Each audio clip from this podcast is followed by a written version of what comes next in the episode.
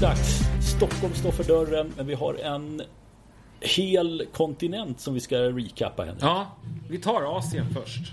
Ehm, Ja, springer Du igenom. får börja. Ska jag börja? Ehm, Ja. men jag, jag tänkte väl snarare att vi ska kanske, kan, kanske sammanfatta den genom att titta på lite olika spelarinsatser. Ehm, Mm. mer, mer än att gå liksom turnering för turnering. Ehm, för vi har ju några stycken som har utmärkt sig eh, synnerligen positivt här efter US Open. Ehm, och om vi, ska vi börja, om vi börjar med en som vi har varit inne på som, vi, som ju har lyft sig gradvis hela året egentligen. Eh, och som nu, ja nu, nu när egentligen Just nu så skulle man nästan kunna prata om honom som eh, Torens kanske bästa och formstarkaste spelare. Alexander Zverev. Ja, men han har gjort det väldigt bra här, tycker jag också. Man, man ser att, och han närmar sig också när vi tittar på, på racet också, närmar sig. Han är uppe topp 8. Så att, nej, jag måste säga att det känns som att han har med ett sorts lugn flyttat fram hela tiden. Inte stressat någonting, utan han har haft det i huvudet. Han vet att han är så bra och har jobbat sig successivt. Han vet att han kommer gå på några miner. Men nu jobbar han sig mer och mer närmare dit han ska vara. Ja, nu åker han visserligen ut tidigt här i, i Shanghai senast. Men, men han har ju radat upp fina insatser dessförinnan här under hösten. Och gjorde det ju även innan US Open ska vi säga också. Eh, En semifinal i eh, Cincinnati till exempel innan det. Och sen kvart i själva US Open. Så att eh, han har ju varit på gång. Vi startade med att vinna i Chengdu. Och sen ytterligare en semifinalplats i eh, China Open i Beijing. Eh, Beijing. Förlorar mot Medvedev där. Ehm, och sen åker han ut tidigt då i, i Shanghai. Men, men likväl. Han flyttar fram sina positioner. Han blir mer och mer konkurrenskraftig hela tiden. Det är en flack men fortsatt uppåtgående formkurva på honom. Um, och eh, det, det ser ju för hans del allt mer lovande ut. Jag, jag tycker det blir väldigt intressant att se honom i ett slutspel. Uh, jag tror att han på riktigt kommer att kunna vara en contender. Det återstår att se vad det är för form de andra kommer in med. Men med tanke på att Djokovic knappt spelar, har en viss skadehistorik. Eh, Alcaraz verkar ha slagit av på takten riktigt ordentligt. Medvedev också är liksom eh, lite så här i limp mode känns det som. Man gör liksom precis det man behöver ja. i de här turneringarna. Eh, och sen ska varva upp igen. Så är det bara tugga på. Eh, jag, ty- Ja. jag tycker det blir intressant. jag, jag skulle faktiskt jag, jag skulle vilja höja faktiskt också ett varningsfinger för Zverev 2024 Mm. Just med tanke på det här Hur han kommer kunna komma in i 2024 Aj, Jag tror, håller han sig skadefri Ja men då, då är det nog Då är det nog börjar bli den här Grand Slam-segern Kommer nog närmare igen nu och den kommer nog vara riktigt nära tror jag Ja, men det tror jag också. Ehm, och, och framförallt i och med att föns, liksom fältet är så otroligt öppet bakom Djokovic, Medvedev och Alcaraz. Ehm, Ja. och, och det kommer att finnas, det blir ju allt mer tydligt att Vissa, vissa turneringar lämnas lite åt sitt öde. Framförallt så tror jag att Sverige kommer att vara en enorm master-contender. Det, det, det kommer Ja, det har han varit Ja, redan. exakt. Och, och, och det kommer han att kunna vara igen. Eh, på samma sätt tror jag som han var innan eh, de här skadeproblemen började. Eh, det finns ju en del turneringar som liksom lite grann lämnas åt sitt öde. I och med att, att eh, ja, det blir allt tydligare att, att liksom, eh, de allra bästa riktar sitt fokus mot vissa turneringar och vissa perioder på året. Eh, Och där kommer Sverige vara en supercontender. 100 procent. ja, Men det var den, en, den första det. Sen Ja. så kan vi lyfta fram nästa spelare också Eh, alltså det finns få som gör mig så otroligt glad att se eh, spela riktigt bra tennis som Grigor Dimitrov. Eh, Ja, men man, man, man undrar ju honom, man man tycker det, för som du säger, det, det, han har en väldigt fin aura, han är en väldigt bra ambassadör för sporten, har haft det motigt i perioder, men jag håller med, det, när man ser honom spela bra, då blir, kan man inte bli annat än glad. Nej men det är ju, det är ju liksom hans publikfriande sätt och lite, lite liksom vägvinnande personlighet. Alltså han har ju, han har ju de här Federer-dragen på, på ett positivt sätt i att han han, han, är, han är liksom charmig att se på. Han är, han är liksom världsvan och, och, och liksom rör sig lätt mellan olika sammanhang. Eh, det, det, finns, det finns ett liksom lyxigt drag kring honom. Eh, mm. Som är positivt för den här sporten. Och jag tror att vi har båda räknat ut honom både en och två gånger in, inför oh. den här säsongen och under den också. Men lite grann i smyg under våren egentligen så, så händer någonting. Han, han börjar gå lite längre i, sin, i turneringar. Och jag har ju mitt favoritmått på en spelares form med, som jag återkommer till hela tiden, vilka får man stryk av? Japp. Och om vi backtrackar till starten av Roland Garros vilka är det som har besegrat Grigor Dimitrov? Jo, det är Alexander Zverev. Han har gjort det faktiskt fyra gånger. Han har haft en enorm benägenhet att välja samma turneringar som, som Dimitrov. Men när de startade under Franska öppet så var de rankade ungefär på samma plats. Men vi vet ju allihopa att, att Zverev håller en betydligt högre nivå än, än de dryga 30 han var rankade när vi gick in i sommarspelet ungefär. Så Alexander Zverev är en. En annan är Carlos Alcaraz. Eh, som besegrade Dimitrov i Queens. Det är inte så mycket att orda om där heller. Nej. Sen så eh, gick han ju en riktig holmgång mot Holger Rune i Wimbledon. En match som mm. ju kunde ha tagit vägen lite hur som helst, ärligt talat. En jättefin tennismatch. Eh, Sen så, enda plumpen i protokollet som jag ser det är en förlust mot Daniel Evans i Washington. Men då är vi ändå framme. Men där var Evans jävligt bra. Evans var skitbra. Eh, men jag tänker rent rankingmässigt så är det ju möjligtvis en plump. Eh, men mm. då är vi ändå framme i semifinal också. Så då hade han redan vunnit en handfull matcher. På väg in. Just. Sen har vi ytterligare, har vi Zverev som tar honom i tre raka turneringar. Jannik Sinner besegrar honom i Beijing. Um, en turnering där han sen i följande match går och besegrar eh, Carlos Alcaraz. Uh, och sen får han stryk av Roblev i semifinal i, uh, i Shanghai. Alltså det är ju bara kvalitetsspelare. Det är ju bara egentligen topp 10-spelare. Ja. Uh. ja men det, och, och som säger om plumpen är Dan Evans i en turnering där Dan Evans gör sin bästa turnering i karriären och vinner en 500 så är det ju liksom, då säger du någonting om vilken nivå du har haft på spelet också. Ja, sannerligen. Och framförallt vilken höjning han har gjort i jämförelse med liksom hur det såg ut stora delar av i fjol. Det är lite som att han... Alltså han är ju 32 i år. Eh, det, det börjar närma sig någon form av slutvarv. Mm. Eh, och, och, han känner säkert det. Och, och han, han, han ser väl också att det är vi har återkommit många gånger till att hur öppet det är bakom de allra bästa. Alltså, eh, några, eh, har, har Dimitrov en bra dag, då är han ju jag ska inte säga närmast bakom den här topptrion om, om, vi, om vi bestämmer nej, oss för att, nej, att Alcaraz, Medvedev och eh, Djokovic. Djokovic tillhör den. Men han är, han är liksom några, några steg ner. Eh, han, han, kan ju liksom hålla en topp 10-nivå i enstaka matcher, enstaka turneringar. Mm. Um, och det tycker jag han har gjort stora delar av, av, av, hösten och sommaren. Men han har liksom inte, det har inte synts riktigt. Han har inte vunnit så mycket. han har inte vunnit några turneringar. Uh, men han har gått långt, konsekvent och längre och längre och längre. Uh, mm. Och uh, seger mot Alcaraz i Shanghai är ju fullständigt strålande. Ja, det var, det var riktigt bra. Även om då Alcaraz som sagt han har slagit, ner lite på, slagit av lite på takten. Eh, har väl inte den där hungern på samma Nej. sätt just nu.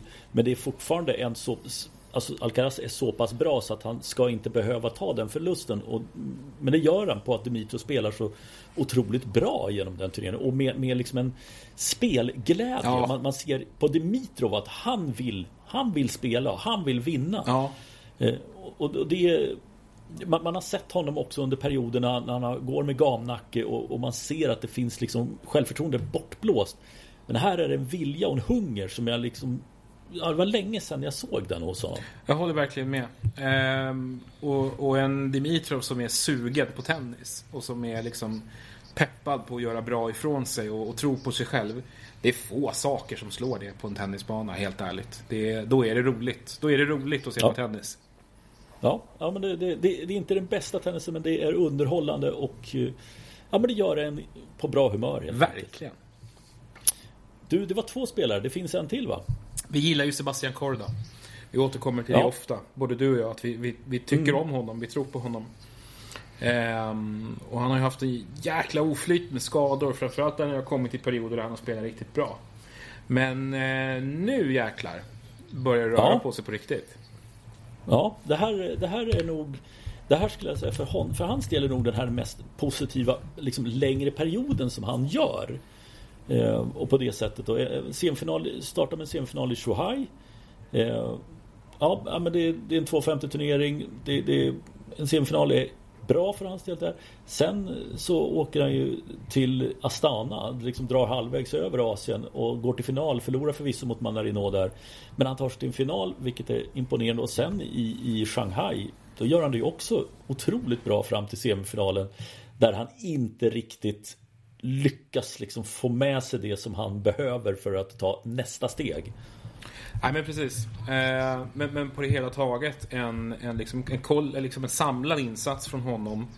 Eh, som visar att han har landat, eller han har arbetat sig upp eh, till en högre nivå. Det är en bra bit kvar. Men, men eh, han, han, han börjar närma sig den här liksom, enorma potentialen som, som jag tror vi båda är överens om att han besitter. Eh, och det här att göra bra resultat vecka efter vecka. Mm. Eh, nu flera veckor i rad. Det är ju det, det, är ju ett, det är ett styrkebesked. Alltså det, det är ju, det är ju en, en, en, ett mognadstecken. Eh, som, som är båda väldigt gott. Och han har ju redan passerat poängmässigt sin bästa säsong på ATP-touren 2021. Mm. Eh, ehm, vilket gör att han är ju liksom lite grann liksom lite i hamn utvecklingsmässigt. Så att, eh, det blir jäkla spännande att se vad han kan hitta på resten av säsongen. Eh, framförallt eftersom att det är så många som verkar vara liksom lite halv off formmässigt eller attitydsmässigt nu. Mm. Nej, jag, jag, håller med och jag tror också liksom nu, han är ju 21 på racet i år. Eh, och ja, men just den här känslan också att för det har jag också nästan känt att de här små skadebekymren som man har haft till och från under hela sin karriär nästan. Nu att kunna liksom upprepa det här och göra det i liksom tre turneringar i rad så pass bra resultat. Mm. Det är ju liksom också ett kvitto på att kroppen håller för en längre ja. tid. Eh, och det, det kommer, jag hoppas att det, jag hoppas inte han spelar sönder sig här nu under hösten, vilket jag inte tror. Men att det här också kan liksom, ja men fan ska vara bra, då kan han gå in i 24 med ett bättre självförtroende och kanske vara med från start här och ja, men klättra ytterligare några steg. Det är ju det vi hoppas på. mm. Och, och liksom, återigen här så har vi en, en, liksom en, en ganska sevärd spelare och, och liksom en, ja, men ett, ett, samlat paket som jag tycker är väldigt intressant. Alltså det, det är liksom det är någon slags helhet kring Korda tycker jag som, som är en, en, en kombination av liksom bra attityd och liksom en, en, en, en eh, vad, ska man säga, alltså teknisk jämnhet. Han, har, han är ju bra på väldigt mycket. Eh, även om det kanske liksom, han är ju inte, han är ju liksom inte Shelton spektakulär eller liksom har ju, har ju liksom ingen så här dunderextremt som, som man fastnar för. Men, men det är liksom någon, en, en tilltalande helhet i honom. Som jag tror ja, liksom ska kunna ta honom det, ganska det, långt.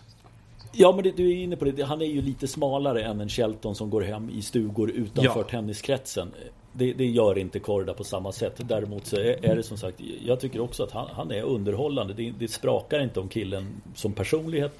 Eh, men han har ju avsevärt många resor bättre än vad pappan var. Eh, förvisso.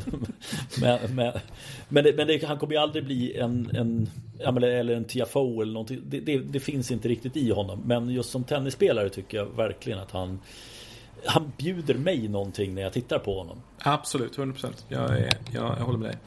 Så att, eh, ja, det, det, det är de gubbarna som vi, som vi väl liksom vill stanna upp vid som, som har gjort det bra här de här veckorna. Sen naturligtvis enormt imponerande av, av Hubert Hurkacz att eh, plocka en Masters-titel.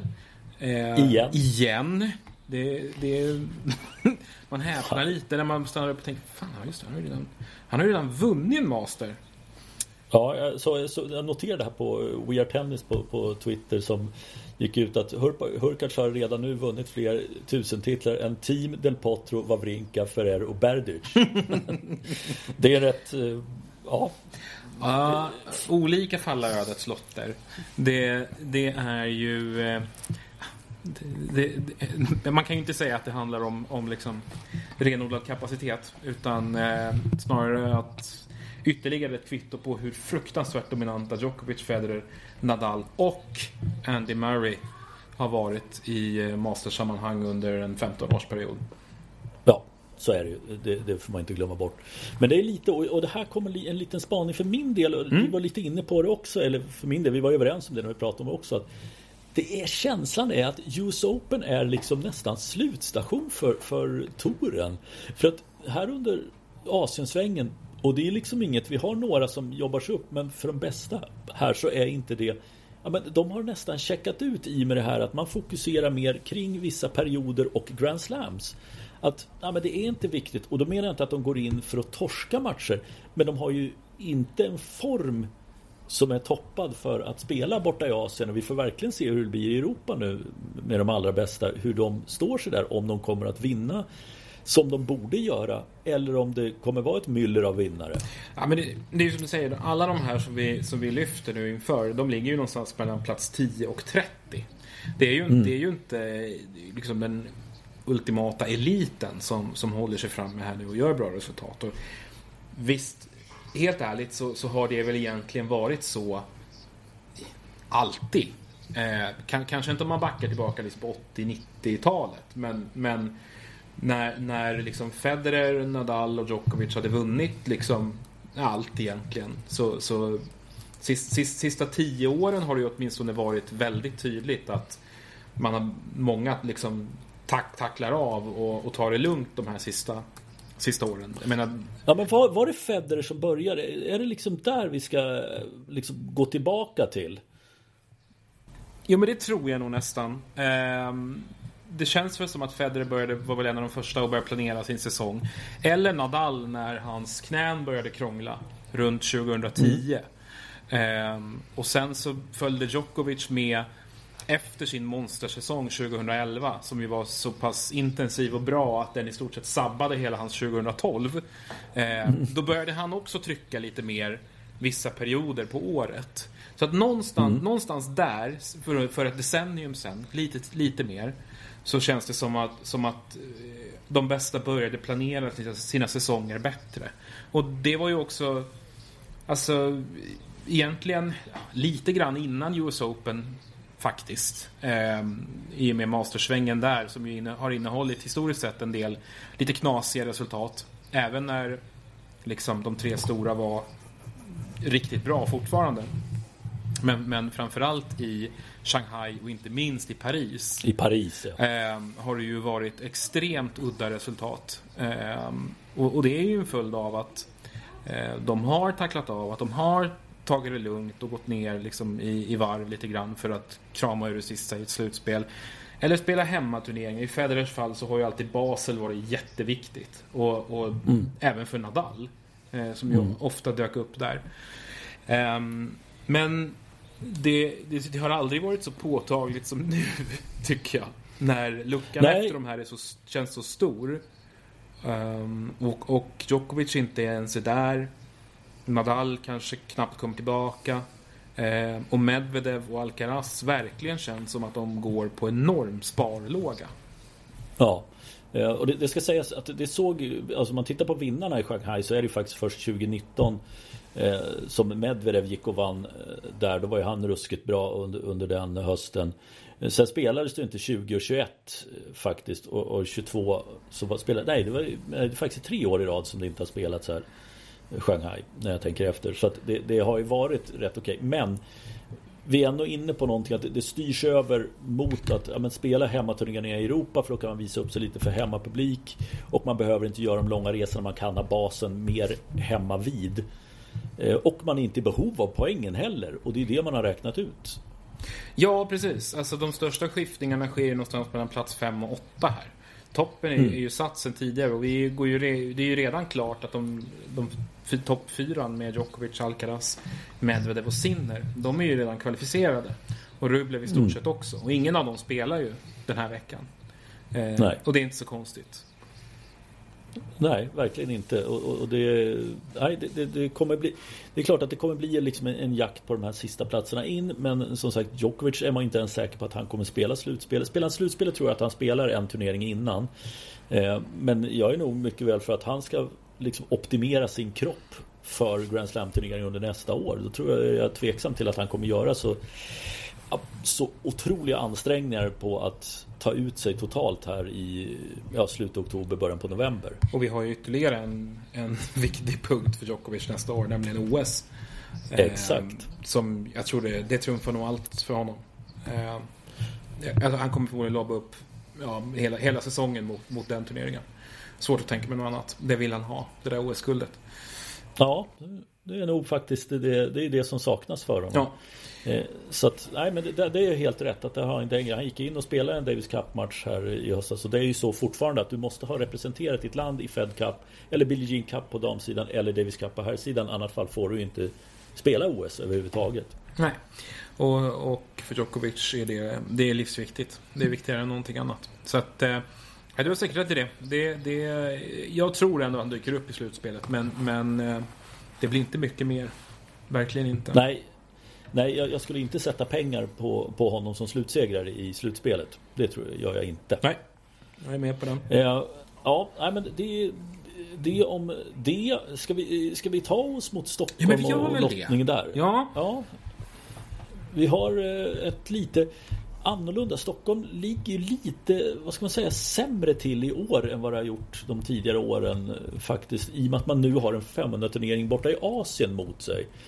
Eh, vanligtvis har det varit Moskva och Antwerpen har det varit de senaste säsongerna. Men nu när det är en 500 turnering också. Det märks ju verkligen på startfältet här. Eh, minus att de fem högst eh, rankade spelarna inte spelar överhuvudtaget.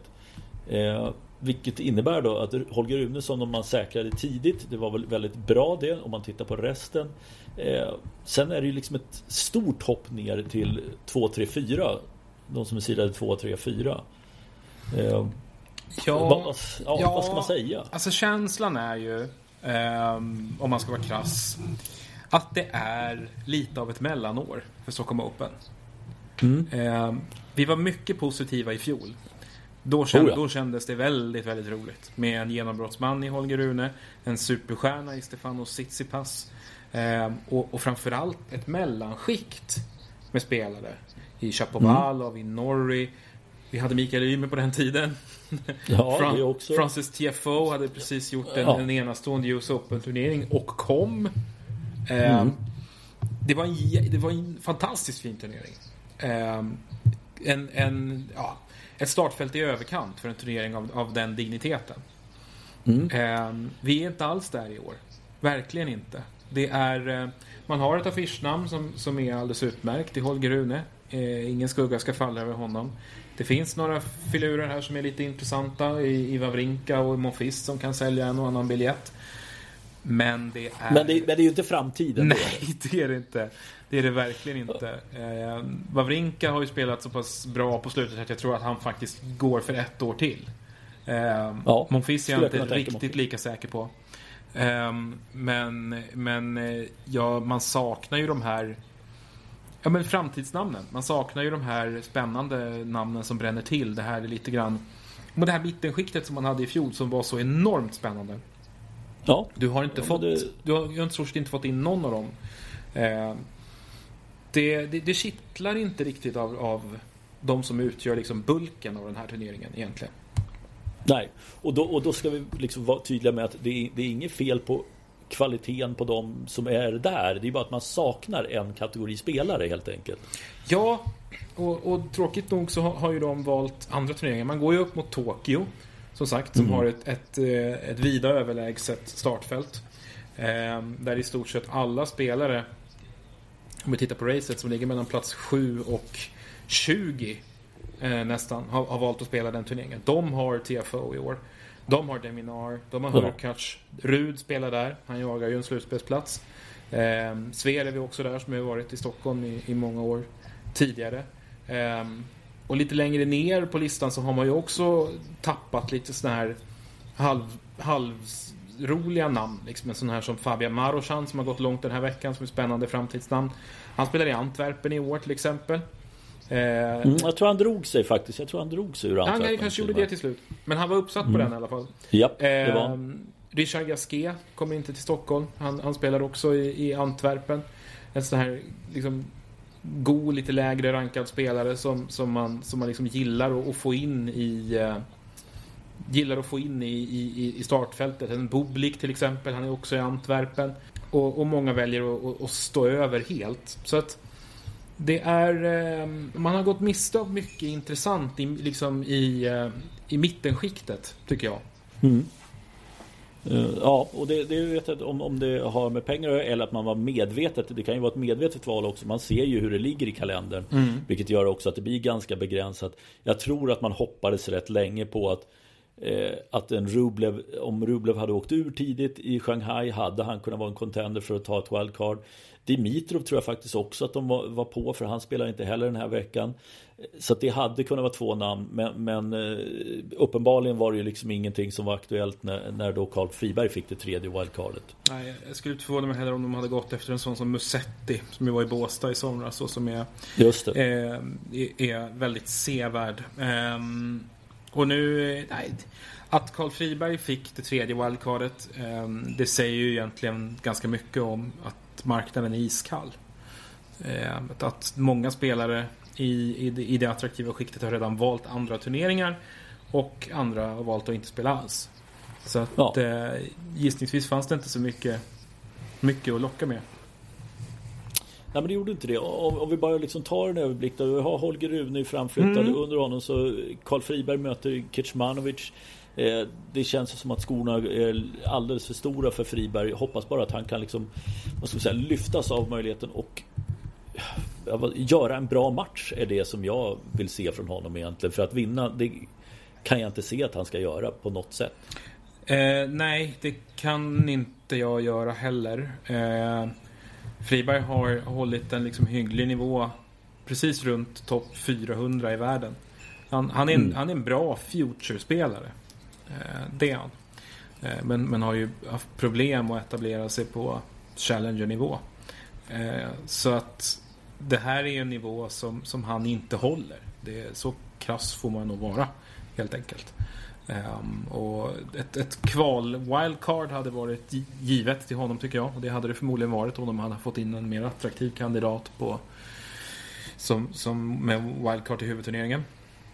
Mm. Nu blev det inte så. Um, och, det, och, det, kommer naturligtvis bli skittufft för honom mot Cashmanovers. Men en, en läropeng som han, som han uh, förhoppningsvis kan, kan ta med sig något nyttigt av. Eh, och flyttar vi ner så får vi nästa svenska wildcard Elias Ymer så får eh, Roberto Bautista Agut. I normala fall skulle man ju säga Bautista Agut är det inget snack om men nu har spanjorerna varit skadad en längre period. Spelar en Challenger den här veckan. Eh, så att liksom formmässigt är det väl svårt att avgöra var han är. Är han i någorlunda, någorlunda hyfsad kapacitet så slår han Elias Ymer. Men Elias kan ju faktiskt lyfta sig och skulle kunna överträffa sig själv och vinna en match här. Det, det ser jag inte som omöjligt. Om en liten möjlighet. Jag hoppas han kan liksom finna glädjen i att få spela på hemmaplan inför mycket publik och att liksom det inte blir för mycket negativt kring honom. Han har redan liksom börjat göra intervjuer där han ja, det enda alla vill prata om är hans bror. Um, mm. Och det kan ju vara någonting som tynger definitivt. Uh, han kommer in i en okej okay form. Har uh, gjort några hyggliga resultat på Challenger-nivå.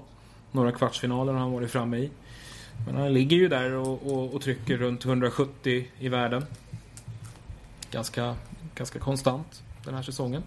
Mm. Um, så att om inte, om inte uh, Bautista Gutt är helt off formmässigt så ska det där gå ganska fort ändå uh, för spanjorens del.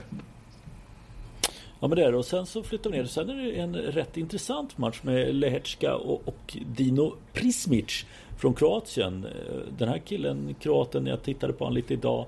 Eh, 18 år gammal och eh, på väg uppåt. Nu 168. Så det är ju en bit kvar. Men, men det, var, det var spännande att se honom. Servade rätt bra. Otroligt tunga grundslag.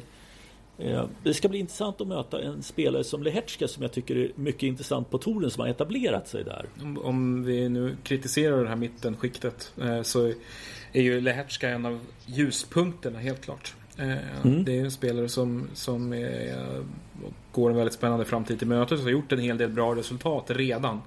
Inte riktigt haft den här kontinuiteten för att liksom klättra aggressivt på, på rankingen. Men, men eh, har ju liksom mycket han har ju mycket goda år framför sig alltjämt. Så det där mötet ser jag också fram emot och hoppas kunna se på plats. Eh, det, ska, det ska bli väldigt spännande att se. Eh, sen har vi Thailand Griksbor som är tredje sidan. Han möter antingen Emil Rusovori eller Benjamin Hassan eh, från Libanon. Tittar jag lite på. Hassan mötte Vavasori i kvalet på lördagen. Eh, det var en, ja, men en, en trevlig bekantskap Hassan. Jag har ju svårt att se att han ska skaka om Rusovori om inte vår finske vän har tappat koncepterna helt. Eh, Rosovori skulle kunna, en Griksborg som inte är supermotiverad, ja, men då är det möjligt att vi har en Rosovori som skulle kunna gå en bit faktiskt. När var senast vi hade en libanes i eh, Stockholm Opens huvudlottning? Ja, du det undrar om det faktiskt har hänt någonsin. Är jag väldigt tveksam till faktiskt att, det har, att vi har sett. Ja, han kom in som alternate ska sägas också i kvalet. Ja, då har han ju, han ju, han ju redan eh, överträffat alla tänkbara förväntningar. Vi får kolla mm. med Johan Landsberg om det är någon som han har koll på. Han har ju, har ju en bakgrund som, ja. som eh, jobbar med Davis Cup-laget va? I, eh, ja, han hade, han hade en akademi där. Mm. De har tennis eh, i skola höll jag på att säga. Men där nere. Så han borde ha koll på Hassan faktiskt. Det är bra där. Jag ska springa på Johan och fråga honom lite om Benjamin Hassan. Eh, Lajovic Sonego och så har vi Kotov. Ja i och för sig vi tar Lajovic Sonego. Ja ja. Eh, Kotov kvalade in och han möter Christopher Eubanks. Också ett spännande mm. namn. Men frågan är hur mycket man ska förvänta sig av honom. För att Mallorca och Wimbledon är all ära. Men sen har det inte varit superhett efter det. Verkligen inte. Eh, det har... Eh Nej, resultaten har absolut inte varit på, på den nivån eh, under, eh, men egentligen efter Wimbledon. För det känns som att han blev lite överväldigad av allt som hände. Han var, jag tycker han har varit lite, kanske lite väl ödmjuk. Um, och och, och ja. lite, liksom lite mer wow, vad hände mig? Uh, ska jag vara med om det här, lilla jag? Typ. Um, men uh, det vore kul om han kunde sprattla till och, och visa liksom lite av den kvaliteten har ju inte gjort så mycket efter att han gick till kvarten förvisso i Atlanta men, men han jag, jag, håller med i det här att han kanske var lite väl ödmjuk och, och, och, så. Även när han har varit med i Tennis TV och suttit med där. Eh, man gillar ju killen, det är ju ingen snack om saken när det gäller det. Men frågan är om kvaliteterna, är de på den här nivån som han befinner sig nu strax utanför topp 30? Eller är det snarare att han ska neråt 50-70, där hör han hemma bättre. Jag tror nästan det. Eh, det, det, det vore kul om, om, om man kunde landa på, på liksom den här nivån igen. Men, men eh, alltså resultaten talar ju egentligen sitt tydliga språk. Det är ju någon match här och där som han vinner. Han torskar tre i rad där runt US Open till exempel. Um, jag tycker han är ganska, ganska långt ifrån den nivå han höll i, i Wimbledon. Och, och, helt ärligt så är han väl kanske snarare typ där han var innan han, han vann på Mallorca. Då var han 77 i världen. Så att eh, mm. det är väl en, snarare en mer rättvisande nivå för honom. Eh, vi flyttar neråt och så har vi en kille som har vunnit en hel del. Baez möter JJ Wolf. Eh, det kan ju vara kul. Jag tror Wolf har en jättemöjlighet här. Eh, men det, jag har väl svårt att se att någon av dem står liksom när vi pratar finalhelg eller någonting sånt. Kul att se JJ Wolf, det är väl ungefär så jag kon konstaterar här. Ja, Baez eh, känns som att han, han pikade formen där innan US Open egentligen. Eh, hade ju en enorm vecka i Kitzbühel och sen en till i, i Winston-Salem. Eh, mm. Vann ju båda dem. Sen så, så har det inte duggat riktigt lika tätt vinstmässigt. Wolf är ju en sköning. Eh, gjorde en bra turnering i Shanghai. Eh, och kvalade in i Beijing och, och ja, så att det, det, blir säkert en intressant match. Wolf är en, en kul filur. Så att eh, den, den, kan bli helt klart sevärd. Sista svenska wildcardet, eller sista wildcardet-turneringen, Leo Borg får en, ja, en riktigt tuff nöt att knäcka och den tror jag för hans del är för svår i att Laszlo Jerry står på andra sidan nätet och, och, och Jerry är eh, Ja om han inte är en han, han är en av de bästa spelarna som inte är sidad i den här turneringen, så kan man väl säga. Jag tycker att Laszlo Jerry ofta är det. han är en, ja. en, spelare som man pratar om alldeles för lite, rent generellt. Ja, men han är ju ganska anonym i hela eh, hans uppenbarelse höll jag på att säga. Men, men, men, det ligger någonting i då. Det är klart, han har ju alltid varit i bakvattnet från Djokovic till exempel. Så det, det är liksom, och Lajovic också för den delen. Som har rönt större framgångar. Ja, han, har ju, han har ju inte haft några extrema resultat. Eh, han har ju inte vunnit någon turnering de här tre senaste åren, men han har ju har faktiskt ändå varit i final i Hamburg i år. Eh, mm. och, och, i Winston-Salem i fjol. Så att, alltså det är ju en, det är en spelare som, som ständigt ligger där runt topp 40. Eh, mm. Och gör rätt för sig hela tiden.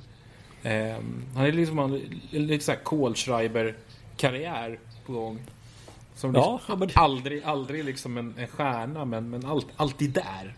Alltid en konstant, ja. alltid liksom någon som man måste se upp med. För att spelar du, ja, gör du inte en bra match mot Laszlo Gere då, då kan du hälsa hem.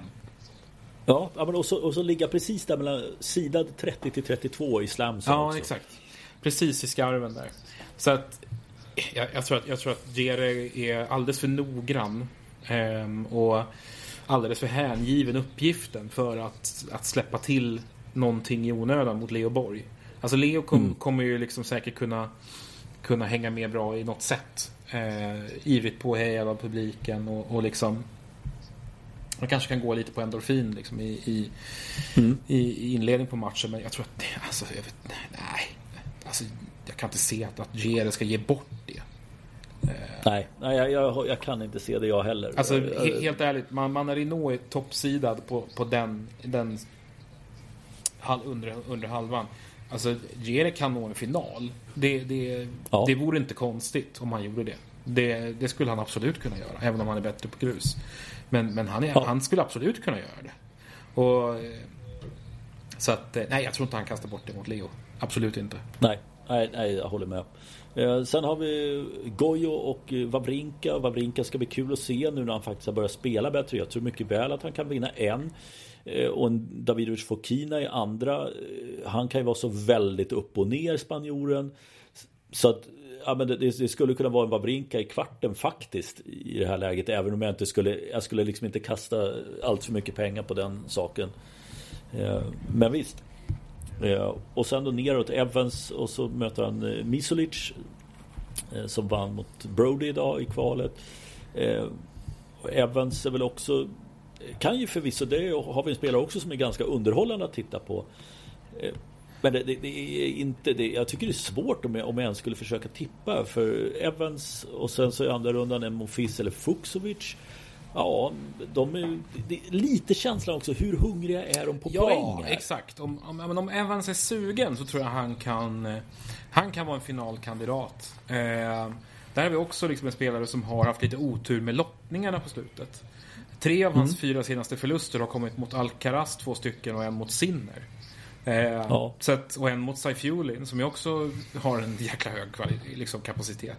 Så att Ja, jag, jag tycker nog att... att ehm, och, eh, jag tycker att Evans har spelat bättre än vad hans resultat visar. Ehm, mm.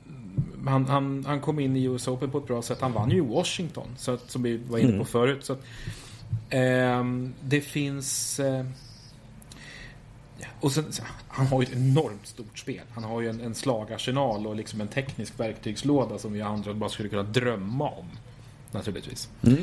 Så att eh, han, är han hungrig, då kan det bli åka av. Absolut.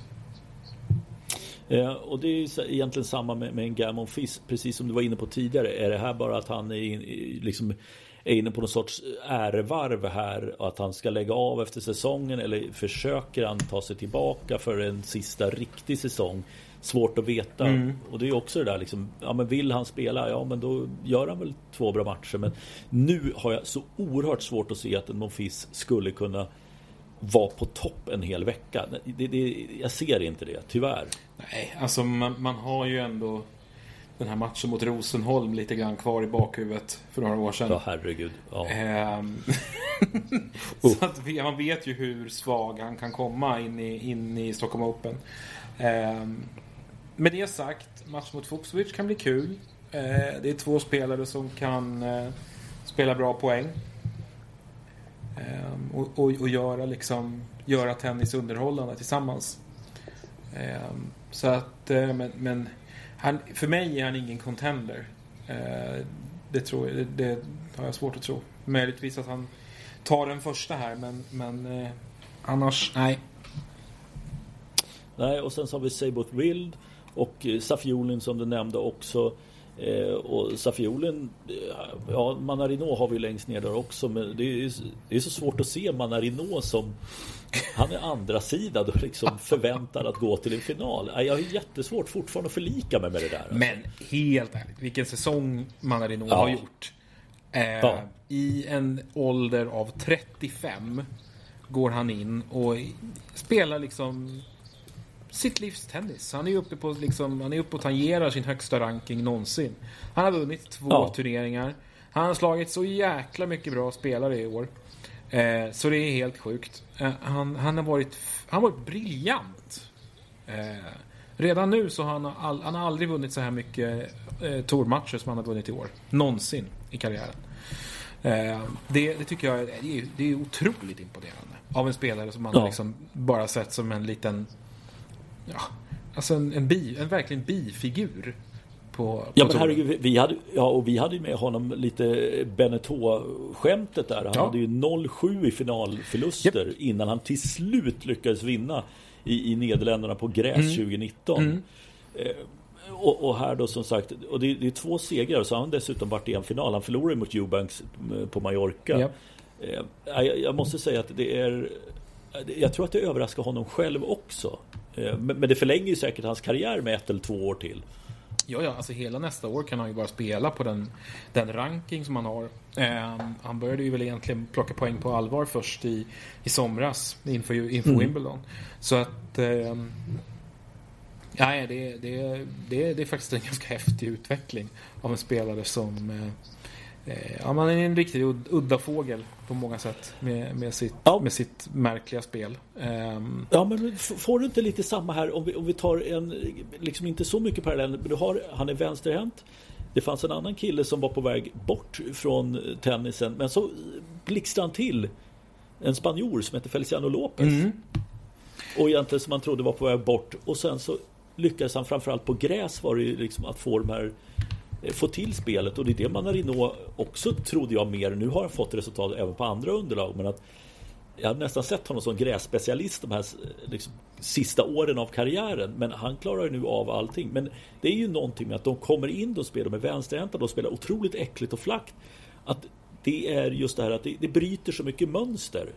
Och det är inte de tränare till att hantera, många av dem. Nej, alltså det, i och med att du inte har någon som spelar som Manarino gör i stort sett. Eh, jag menar, vad, vad, hittar vi egentligen för, för, för liksom nu liksom samtida motsvarigheter till Manarino? Alltså det är Batista Gutt har ju, har ju lite samma kvaliteter, kan jag tycka. Eh, sen ja. är väl, men sen är han väl kanske, han är kanske lite rakare i spelsättet än vad Manarino är.